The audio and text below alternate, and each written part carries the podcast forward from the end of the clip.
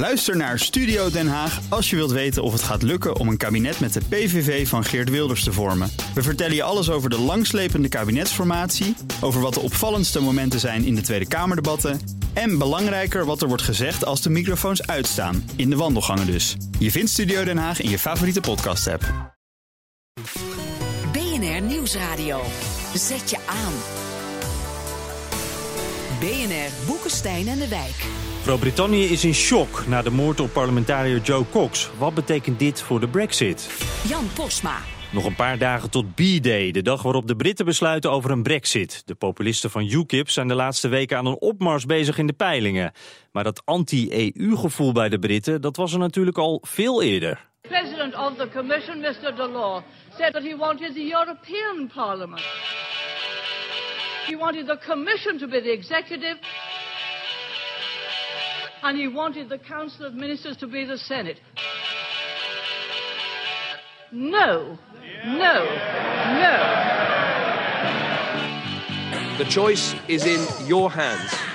I hope and pray that Britain voting to leave the European Union will be the beginning of the end of a project, however noble its original intentions, has gone rotten. If you say the EU's fine, we'll be ruled till the end of time. My recommendation is clear. I believe that Britain will be safer, stronger, and better off in a reformed European Union. Should we stay or should we go now? Just before one o'clock today, Joe Cox, MP for Batley and Spenborough, was attacked in Market Street, Bristol. I am now very sad to have to report that she has died as a result of her injuries. En zo stond ineens die oververhitte brexit-campagne helemaal stil. Was dit een politieke moord? Eén ding is zeker, de toon van de campagne zal veranderen... en elk woord wordt op een goudschaal gewogen. Zorgt dit drama er uiteindelijk zelfs voor dat de Britten in de EU blijven? Welkom bij Boekenstein en de Wijk, het programma over Nederland in Europa... en Europa in de wereld. Bij mij in de studio natuurlijk. Hij verlaat de EU regelmatig, maar komt altijd weer terug, Rob de Wijk. En hij kiest voor links, tenminste als je in Engeland rijdt. Arend Jan Boekenstein. en als gast uh, ja, we wilden een genuanceerde, gerespecteerde intellectueel, maar die kon allemaal niet. Dus is hier beroepspopulist Prem Radikisnoen. Welkom Prem. De eerste stelling. Uh, door deze moord blijven de Britten in de EU. Daar willen we het over hebben. Door deze moord blijven de Britten in de EU. Ik, ik vind het een belachelijke stelling. Ik vind het echt. Ik vind het beneden alle pijl voor BNN. En dit meen ik echt serieus. Uh, twee parlementariërs zijn erg belangrijk in een democratie. En uh, dit is een afschuwelijk drama, mag ik wel benadrukken, door een blanke christelijke man. En we moeten even gaan kijken wat zijn opvoeding is en zijn etniciteit en mm -hmm. zijn achtergrond. En kijken of er in het DNA van blanke mensen iets mis is. En in de christelijke religie iets fundamenteel fouts. Dat zo iemand dit heeft gedaan. Maar om vervolgens um, deze abjecte moord te gaan gebruiken om de stelling te vind ik echt beneden peil. Ik vind dat we, uh, uh, natuurlijk zullen er sentimenten zijn. Je zou een stelling anders kunnen zeggen van verander de sentimenten, zal de campagne veranderen. Maar om dan mm -hmm. dit want dan heeft hoe dan ook die moordenaar ergens gewonnen, Arendtjan. Als je zegt van uh, uh, welk effect het ook heeft, als die ja. teringmoordenaar ook maar één, dan, dan, dan heeft loonmoorden. Dus we mogen die stelling al nooit. Nee, punt gemaakt, die, punt gemaakt. Mag, die stelling mag best. Kijk, Harold Macmillan, premier rond, laten we zeggen 1960, die zei al: events, dear boy, events. Ja. Dat betekent dus uh, dat het altijd evenementen zijn, gebeurtenissen zijn... Uh, die bepalend zijn voor de loop van de geschiedenis en de loop van de politiek. En in die zin is die stelling heel behoorlijk. Want dit zou wel eens inderdaad een evenement kunnen zijn... die bepalend is voor uh, de loop van de geschiedenis. Namelijk blijft het Verenigd Koninkrijk wel of niet uh, in, uh, in de Europese Unie. Dus van Rob, ik hoor van jou in ieder geval dit zou wel eens uh, invloed kunnen hebben. Dan wil ik tenslotte Arend Jan van jou horen. Heeft dit invloed, deze moord? Wij weten het niet. Er is één historisch voorbeeld. Dat is 2003 in Denemarken. Toen is ook een politicus vermoord op straat in het kader van het referendum toen. Toen had het geen invloed. Maar ik vind dat Prem wel een punt te pakken heeft. Als je er iets over zou willen zeggen, dan is het de toon van het debat, in zowel het voorkamp als het tegenkamp, is zo verhard. Ja. En dan moet je, kijk, als je hele erge dingen zegt, hè, dan moet je niet verbaasd zijn dat er ook nog zwakke broeders rondlopen. die niet helemaal, niet, waarbij de stekkers niet helemaal goed zitten. Ja, deze man had Dat geestelijke doen. problemen in het verleden. hè. zodra Dus, het een eh, blank is, heeft hij geestelijke problemen. En als het een moslim is, is het zijn religie. Het is gewoon een blanke Germaanse man en die hebben in hun DNA moorden zitten. Die gaat terug tot de kruistochten, gaat terug tot Hitler. Het, eh, kijk naar Breivik, dus het ligt gewoon aan die blanke man zijn DNA. En het, het- zodra het een blanke is, dan heeft hij geestelijke problemen. En als het een moslim is, is religie.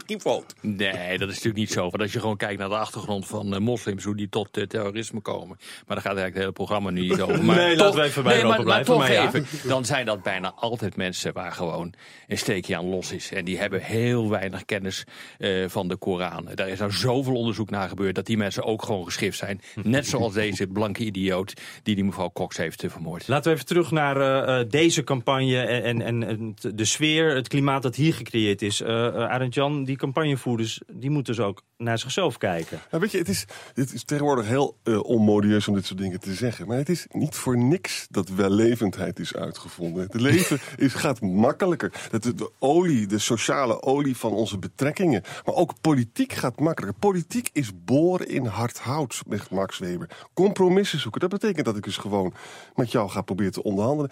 En dan gaat het niet helpen als ik jou een geitenneuker noem. Snap je? Dat is het punt. Prem lacht hier een beetje Nou, om- om, want, omdat eh, ik het, het A, eens ben met Arend Jan, maar ook oneens ben. Omdat ehm, in de politiek gaat het er altijd hard aan toe. En ik ben ontzettend blij dat jullie het programma zijn met begonnen met Margaret Thatcher. Omdat Margaret Thatcher de Europese Unie ontegenzeggelijk beter heeft gemaakt. En we schuwen vaak het debat met harde woorden, maar uit these en een, synth- eh, these en een antithese komt de synthese. En de Europese Unie, waar ik een groot voorstander van werd, is de Europese Unie geworden voor de elite, voor de vriendjes van Arend Jan. En niet voor de onderklasse, voor mijn vriendjes. Ah, ik En- ben elite. en- ja, je bent elite. Hoi, Eh, eh, hoi, je, je was, hoi. je was Tweede Kamerlid, je begeeft je onder, onder ambassadeurs en andere, maar ik zie je nooit onder Oh, maar de dan, markt. wacht even, maar dan is Wilders ook elite. Ja, Wilders is elite. Ook Maar- maar, maar- maar Wilders is elite. Hij nou ja, nee, leg het ook maar even uit, want ik raak al vrij snel het spoor bij. zoals dingen gezegd. maar, maar Prem, jij bent toch zelf ook elite? Eh, dat- ha, Ik ben, ik ben elitair omdat ik tot het kleine groepje nadenkende mensen behoor in de wereld. nou en de goed, grote massa opgeleid. niet. Je- je bent toch dezelfde elite als Arend Jan Nee, op dat want, punt? want Nee? er zit een verschil in, in toen hij als waarom ik zeggen, Ja, je fout in goede, goede elite. Daar Nee, komt kijk, kijk. Rob is een wetenschapper, Rob onderzoek. Maar Arend Jan heeft behoord tot het selecte groepje wat dit land kon besturen. En daarbij heeft hij zich ook het land kunnen bijsturen. Eh, eh, en het het gaat erom dat in de Europese Unie en alle verdragen die gemaakt worden... en toen Arend Jan ook Kamerlid was... steeds geratificeerd is door de Tweede Kamer... alle afspraken die er in Brussel worden gemaakt... wordt het gedreven door de handelsbelangen van de grote ondernemingen. Dat staat buiten kijf, dat is ook een belangrijke motor. En dan is het juist de taak van de lokale parlementen... en het Europees parlement om te zeggen... jongens, we komen op voor de belangen van de mensen... die niet gerepresenteerd worden door grote ondernemingen. En dat is structureel blijven liggen in Europa. En daar zit erbij het Maar volk... Prem, luister eens. Het MKB exporteert tegenwoordig ook veel. De gemeenschappelijke markt, waarvan ik hoop dat je net zoals ik een hartstochtelijk voorstander bent. Want weet je, dat is trouwens belangrijk wat we hier zeggen. Want ik hoor dus Thierry Baudet overal zeggen dat hij ook tegen de gemeenschappelijke Maar markt nee, ik ben voor de gemeenschappelijk markt. En, en we moeten allemaal niet vergeten dat de mobiele telefoon... Ik weet niet of mensen het kunnen herinneren. Ooit heeft meneer Jacques Delors een groen boekje gemaakt. Dat was ergens begin jaren tachtig. Ja. Toen heeft hij gezegd, wat moeten we doen om de Europese Unie weer populair te maken? En daar was onder andere de commerciële televisie... de opengooien van de telecommarkt. En we hebben aan Europa te danken dat we nu via onze smartphone... gewoon wereldwijd alles kunnen... Het toegankelijk internet hebben we aan de Europese Unie te danken. Eh, het eh, commerciële televisie, Maar, volgens maar, maar, maar. Prem, maar dat zijn toch ook grote bedrijven die dat voor elkaar hebben gekregen? Ja, maar... Ik bedoel, een smartphone die wordt niet door een of andere lullige MKB'er om de hoek eh, gemaakt. Hoor, maar dat is echt een hele grote internationale maatschappij die dat voor elkaar krijgt. En dan krijgen Wat is nou het probleem? Nee, het probleem is vervolgens dat als ze monopolistisch gedrag vertonen, de mededingingscommissaris ze aanpakt en zegt: jullie roamingstarieven moeten omlaag. Als ze vervolgens die markt willen leegzuigen, de Europese Unie mij, de kleine lui, beschermt om te zeggen dat er daar wat aan moet worden gedaan. En die balans. Die is helaas verstoord op een heleboel andere gebieden. Noem maar het voorbeeld van de vrachtwagenchauffeurs. Nu wil de Europese Commissie het minimumloon wat er is voor vrachtwagenchauffeurs om te zorgen dat er geen oneerlijke concurrentie is, willen ze afschaffen. En dus dit is een goed voorbeeld, de mobiele telefoon, waar ook de Europese Unie de burger beschermd heeft. Op andere gebieden niet. En daar zit een gevoel van onbehagen wat we En allemaal hier delen. en daarom gaan de Britten nu uit Heb ik niet De gezegd. Europese Unie. Dat heb ik niet gezegd. Nee, nou maar goed, nee, maar kijk, dat heb je ook niet gezegd. Maar ik vind het allemaal prachtig hoor, om het allemaal op te nemen voor de kleine man, wat dat dan ook allemaal mogen wezen. Maar tegelijkertijd, door dit gedrag en door dit stamgedrag, als het inderdaad zo doorgaat, dan schiet die kleine man zichzelf wel in de voet. Want die wordt als eerste het slachtoffer van de economische chaos die zou kunnen ontstaan na bijvoorbeeld een brexit. En dat zie je dus gewoon continu, dat eh, door populisme, door nationalisme, eh, door protectionisme er een situatie ontstaat waardoor degene die het hardste schreeuwen, en dat is inderdaad vaak niet die elite, dat geef ik onmiddellijk toe, er als eerste slachtoffer van wordt. Hoe moet je daar nou mee omgaan? Oké, Prem? ik zou zeggen hoe je ermee moet omgaan. Leiderschap. Ehm, ik, geef je ik geef je twee voorbeelden. De grondwet, de Europese grondwet. Ik ben voor Europa, ik was tegen die grondwet. En toen werd er reclame ge- gevoerd door het toen zittende... Ik vergeet Atso Nicolai nooit, een man die ik overigens mag... die maar geen antwoord kon geven op een 3MM-DJ die zegt... wat gebeurt als we tegenstemmen? Tot drie keer toe. Gaat het licht uit? Nee, we hebben tegengestemd, de wereld gaat door. Als associatieverdag van de Oekraïne. Ik heb een radioprogramma op Radio 1. Ik vraag het kabinet om te komen. Rutte en zo, pak, pak, pak, pak. Iedereen te bang, omdat ze niet durven het leiderschap te tonen. Daar hebben ze helemaal mee eens. Dat hebben ze heel slecht gedaan. Nou, en dat hebben we je- hier ook gezegd in dit eh, programma. En als ik dan kijk naar Angela Merkel. Ten tijde van de eurocrisis met Griekenland, toen de populariteit op het dieptepunt stond, heeft gezegd: wij gaan Griekenland erbij houden. En iedereen heeft er verhoond. En een aantal jaren later op twee zetels naar absolute meerderheid. Dus wat ik mis in het debat en ook in het Brexit-debat, is een leider. Maar hoe komt dat nou? Omdat, ze, omdat we leiders kiezen die bange apen zijn. Mensen die geen krasje Maar, hebben. dat, maar, die, maar die, die mensen waar, wij, waar jij je nu zo toe voelt aangetrokken... dat zijn toch de mensen die dit soort leiders kiezen? Ik bedoel, dat zijn toch, die leiders worden toch niet in één klap... vanuit de hemel in het parlement eh, eh, geparachuteerd? Nee, maar als ik dan Dat mezelf toch- kijk, dat doen toch gewoon Rob, volk? Als ik, Ik- naar mezelf kijk, ik wil bruine rum drinken, te naak waggelend van, eh, het van BNR lopen naar het Amstelstation en dan naar huis gaan. Ja. Het moment dat ik dat doe, kan ik de meest intelligente politicus zijn. Ik kan de beste leider zijn. Men gaat men aanspreken op mijn gedrag, op wat ik uitspreek. En men kijkt niet naar de daden. Dus daardoor krijg je al dat Nee, de briljante gekken die we vroeger rond hadden lopen, niet meer zich verkiesbaar stellen voor het parlement. Ja, dus Omdat dat- we een soort fatsoens eh, Rita Verdonk-norm hebben Maar dat is toch geen probleem van de elite? Dat is toch een Het probleem... is een probleem van het volk. Dat is een probleem van het volk, toch? Ja, maar het, het, het- even gechargeerd, het probleem van de elite is ook het probleem van het volk. Alleen de elite kan zich iets beter beschermen dan het volk. Ja, maar het is altijd al zo geweest Maar- door de hele geschiedenis heen. Maar mijn vraag is nu, en echt met de hele Brexit-discussie, en ik heb het echt van alle kanten zitten benaderen. Is het zo'n ramp als Engeland uit de EU gaat? Ja, dat is het. Want het Waarom, is, eh, het, het, het- in- om te beginnen is het zo, voor Nederland is het heel erg slecht. Want Nederland wordt vermorseld door de Frans-Duitse as als Engeland weggaat. Het hele balance of power is weg. Engeland was een belangrijke vrijhandelsmogelijkheid die we heel erg nodig hebben. Tweede is, je kunt een hele keten van reacties eh, gaan krijgen. Ja. De Denen worden hartstikke ongelukkig als de Britten weg zijn. De Finnen, de Zweden. En, en Orbán van Hongarije, die kan ook allemaal dingen gaan bedenken. Het kan best leiden tot nog meer centrifugale krachten. Jij verwacht eh, het hek is van de Dam, daar gaat Dat meer komen. zou kunnen, dat zou kunnen. Nou, daar gaan we het zo ook even over hebben. En ook eh, meer geschreeuw, meer gescheld en meer onderbuik. BNR Nieuwsradio. Zet je aan.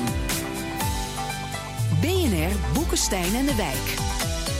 Ja, we gaan het eh, breder trekken, want anti-EU-populisten zie je niet alleen in Groot-Brittannië.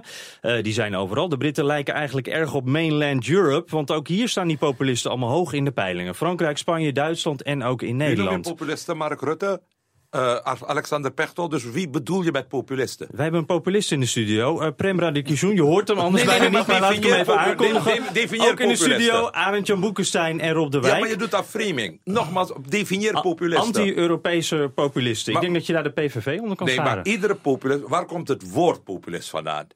Van Maar- people. Dus je komt iemand die, het, die weet wat het volk denkt. Dus je, je, je, je, je presenteert met een negatieve connotatie een leider Nou, die, die- weet wat het volk Die, die denkt. connotatie die geef jij eraan. Nee, maar, maar- voor definities ga ik altijd naar Arend Jan Nou, Boekenstein. moet je luisteren. Populisme, dat is een heel interessante stroming. Die, die, die doen twee dingen. Ze zeggen dat de elite is corrupt.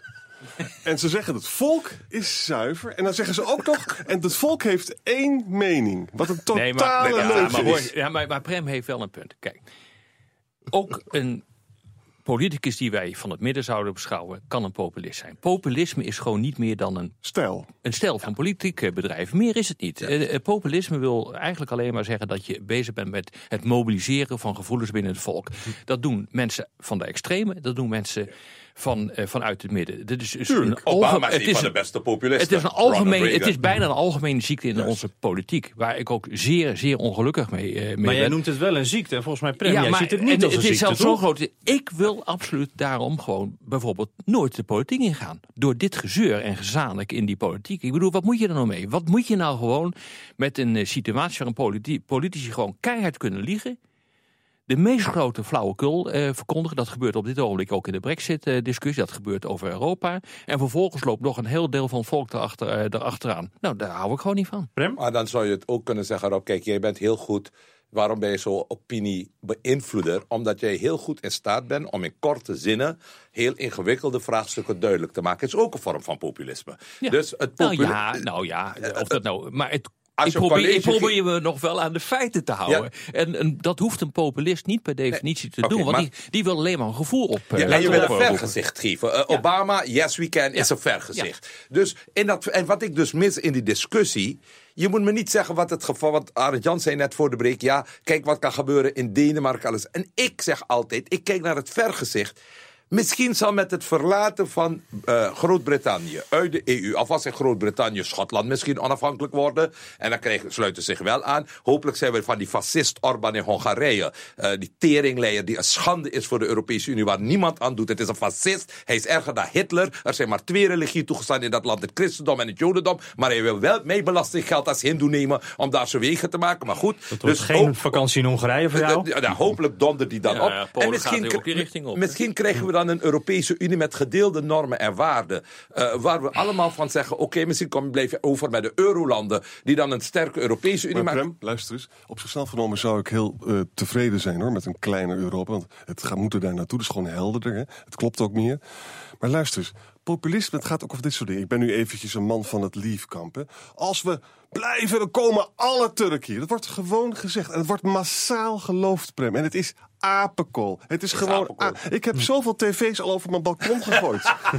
dat, dat we gaan Maar jij kan hier- dat betalen, toch? Nee, maar wij gaan hier kapot aan. Hoor bij de elite uit. En als, en als ik tegen jou zeg dat alle moslims zijn bommengooiers, dat is toch verschrikkelijk? Het is Maar Prem, eh, die, die feiten, dat is toch wel een probleem ook veel in, in Europa-discussies. De feiten is al sinds het ontstaan der mensheid in de, in, het Griekse, in de Griekse oudheid waren de feiten al een probleem. Zie de Maar- sofisten maar die juist. Oekraïne-referendum, Brexit-referendum. je hebt- jullie hebben een te groot ideaal van hoe een maatschappij in elkaar zit. Eh, als we gaan stemmen, stemt 99% van de mensen op grond van een gevoel en niet op grond van de feiten. Dat is zo. Ja, dus, dus, dus de, de- VVD die schreeuwt minder belasting terwijl ze dit land al, al 30 jaar regeren. Dus, ze, ze zitten, dus het is gewoon een, een, een mensen vergeten. Jawel, Ja, maar je kunt niet ontkennen dat het wel aan het veranderen is op dit ogenblik. En dat de bullshit eh, die op dit ogenblik wordt verkondigd eigenlijk alleen maar toeneemt. En dat het ook vrij normaal is geworden. En, het wordt, en je komt er ook mee weg. Als je 1000 zegt, euro voor iedere Nederlander Ja, van Mark Rutte. Die kom je dus bullshit. mee Hij weg. Komt ermee Daar kom weg. je maar is natuurlijk een schande. Hij liegt tegen Roemer. En, en Roemer wordt weggezet als de loser en de leugenaar als winnaar. Maar dat is zo oud als de mensheid. Ja, nee, je- maar, maar Prem, het, weet je wat je zo'n probleem is? Van, kijk, stel je voor dat je een politicus bent en je moet dus alleen maar debatteren met fact-free kikkers om je heen. Hè? Dan moet je wel ongelooflijk begaafd zijn. En zoals humor hebben.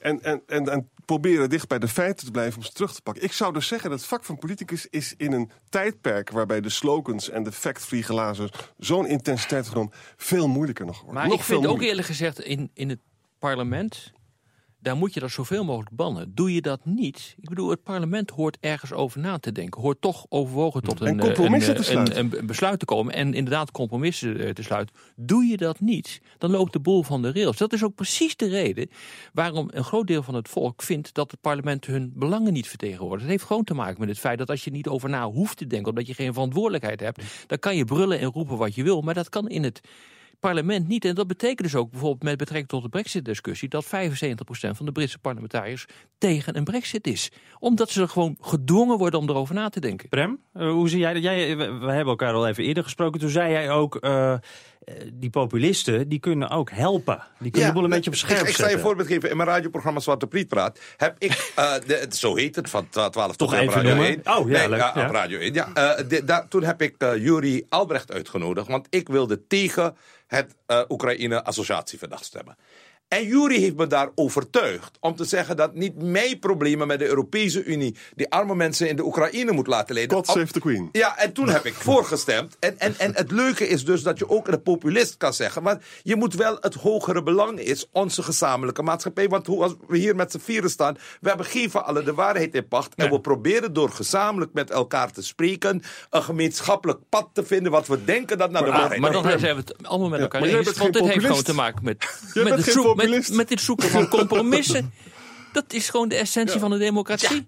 Ja, dat is het leven. Nou, en, en, en daarom, maar, maar wat ik dus kan voorspellen, en dat is het, het, het, het, het, het jammere van wat er gebeurt. Omdat we ook te weinig tegenstellingen krijgen, kunnen we dat pad naar het midden niet vinden. Want iedereen begint al met de nuance in het pad naar het midden. En daarom ben ik blij met mensen als Wilders. En daarom ben ik nu blij met mensen als Denk. Omdat je nu weer uitersten krijgt, zodat we in de uiterste perspectieven. Maar een soort ik- referentiekader bedoel je dan? Ja, nou, Nee, wat, wat, nee, hij bedoelt te zeggen, wat hij bedoelt te zeggen, het is wel waar hoor. De, de signaleringsfunctie van taboes, van het populisme. Neem nou Europa. Oh, ik heb dus begrepen, jullie hebben dus vrije personenverkeer gedaan... zonder gemeenschappelijke bewaking van de buitengrens. Huh? Jullie hebben een euro uitgebreid zonder na te denken of dat wel kon. Nou, daar hebben ze gewoon gelijk in. Absoluut. Hebben ze gelijk in. En daar hebben wij zitten slapen. Oké, dus En dus en wij, gebeurt- wij is parlementariërs. Ja. En ook Oké. niet maar. En ook. Nee, maar- Daar ben je nu ook maar- onder maar- geschaad, maar ja. Wat ja, wat daar weer van belang is, is de, het vermogen om het op te lossen. Wat ze bij de euro hebben gedaan, ze hebben de dingen in plaats gebracht waardoor je nu de sancties krijgt. Ook bij de buitengrenzen gaat het komen. Maar het vervelende is als er geen gekkies zijn. Een gekkie die op een marktplein schreeuwt en geen zetel heeft, dat is een gekkie. Zodra die gekkie tien zetels heeft en in het parlement brult, dan is het een populist. En zodra dat gekkie 55 zetels heeft, of 75 en het land gaat regeren, is het ineens een ziener. Hè, dus we moeten wel begrijpen dat, dat, dat, dat er mensen zijn die stand doen. En wat we doen en te veel doen, is dan tegen die mensen zeggen gekkie. En dat is het bezwaar, maar het is van oudsher al zo. Je sluit mensen die andere geluiden, die je niet bevallen, die sluit je uit in plaats van ze te Nee, omarmen. nee, Rob? nee, maar eh, ja en nee. Kijk, eh, eh, ja, omdat ik ook vind dat eh, populisme op zich hel kan helpen om de boel scherp eh, te krijgen en duidelijk te krijgen. Nee, als dat de overheid gaat, gaat krijgen en je krijgt fact-free politiek, waardoor je je land ongehoorde schade toe, toedient. En dat is precies wat er op dit ogenblik gebeurt in Europa. De ene protectionistische maatregel wordt genomen aan de andere. En van protectionisme weten we, kijk naar de jaren 30 van de vorige eeuw. Dat er de dood van. in de pot is en dat je jezelf in de voet schiet. Maar Frankrijk dat heeft, eh, als in de Europese Unie, is Frankrijk het land wat nog steeds het meest protectionistisch is. Maar- nog en- steeds niet is en je ziet aangepakt. wat daar gebeurt. Ja, maar het is nog steeds een van onze grootste pijlers in de Europese Unie. Nee. En we slagen er maar niet in om te zeggen, jongens, nou, weg met dat protectionisme. Nou, dat wordt dus wel heel erg moeilijk op dit ogenblik voor de Fransen. Dat is precies een van de redenen waarom die Frans-Duitse as eh, niet goed eh, functioneert. Ja, en sterker nog, als de Fransen niet gaan hervormen, ze doen het al 15 jaar eigenlijk niet, hè, zeker bij die 3%-regel, Ja. dan gaan we er allemaal aan. Ja, maar waarom mag Frankrijk het en waarom mag Hongarije niet? Waarom dat is een grote schande. Ja. En daar gaan we kapot aan. Ja, maar dus daarom is die Brexit-discussie goed. Want vervolgens gaan mensen in de Europese Unie, een of andere populist, misschien Primraction brullen. Laten we Frankrijk eruit trappen. Laten we een referendum houden om Frankrijk eruit te trappen. Want ze houden zich structureel niet aan de regels. Dus in die zin is dit debat goed. Om de zoveel tijd moet je weer een- de zo. Unie weer verversen. Maar, maar Prem, heb ik een vraag aan jou. Hè? Ja. Van, eh, ik worstel dus nog steeds heel erg met de referenda. Ik heb mijn mening veranderd. Hè? Heb jij nou echt vertrouwen in referenda? Ja, omdat ik vertrouwen heb in Laatste mensen. punt. Ik heb vertrouwen in mensen, ik heb vertrouwen in de bevolking van Nederland, ook in de bevolking van de Europese Unie. Want als ik niet zou vertrouwen in mensen, dan is het hele project wat we democratie noemen nutteloos. Kabinet Boekenstein en de Wijk. Is een duidelijk eh, eindpunt. En heren, het is ook weer tijd om de analistenstoel te verruilen voor het plus. En het is de beurt aan premier Rob de Wijk. Uh, Russische hooligans zorgden dit EK voor rellen. Uh, verschillende media wordt gesuggereerd dat dit foot soldiers from the Kremlin zijn. hulptroepen van Poetin dus, die chaos moeten creëren. Op ons Europese feestje, groene mannetjes op het EK. Premier de Wijk, hoe serieus neemt u deze insinuaties? Nou, ik ben altijd geneigd om dat allemaal niet serieus te nemen. Maar inmiddels moet ik zeggen dat ik zie, kan zien wat er op dit ogenblik gebeurt vanuit Rusland. Europa in zijn honderden Kremlin-trollen, zoals die worden genoemd. Die zijn actief op internet. Ik heb daar zelf ook mee te maken. Is mijn stellige overtuiging als columnist in, in Trouw. En op allerlei andere uitingen in, in de media. Je ziet iedere keer als je lullig zegt over Rusland... dat je dan gewoon overspoeld wordt door, dat soort, door, door meningen die eigenlijk niet mainstream zijn in...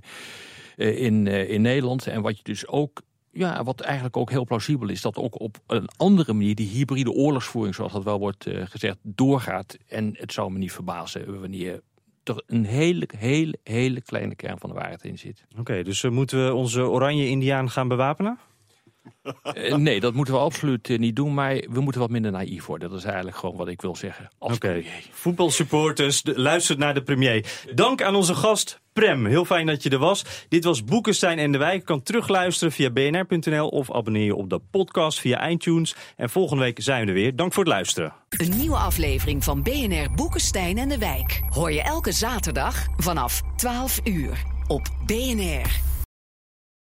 Ook Liesbeth Staats vind je in de BNR-app. Ja, heel handig. Luister live naar Kees en mij tijdens de Daily Move. Dan blijf je ook gelijk op de hoogte van breaking news en het laatste zakelijke nieuws. En daar vind je ook alle BNR-podcasts, waaronder de Perestrooikast. Download nu de gratis BNR-app en blijf scherp.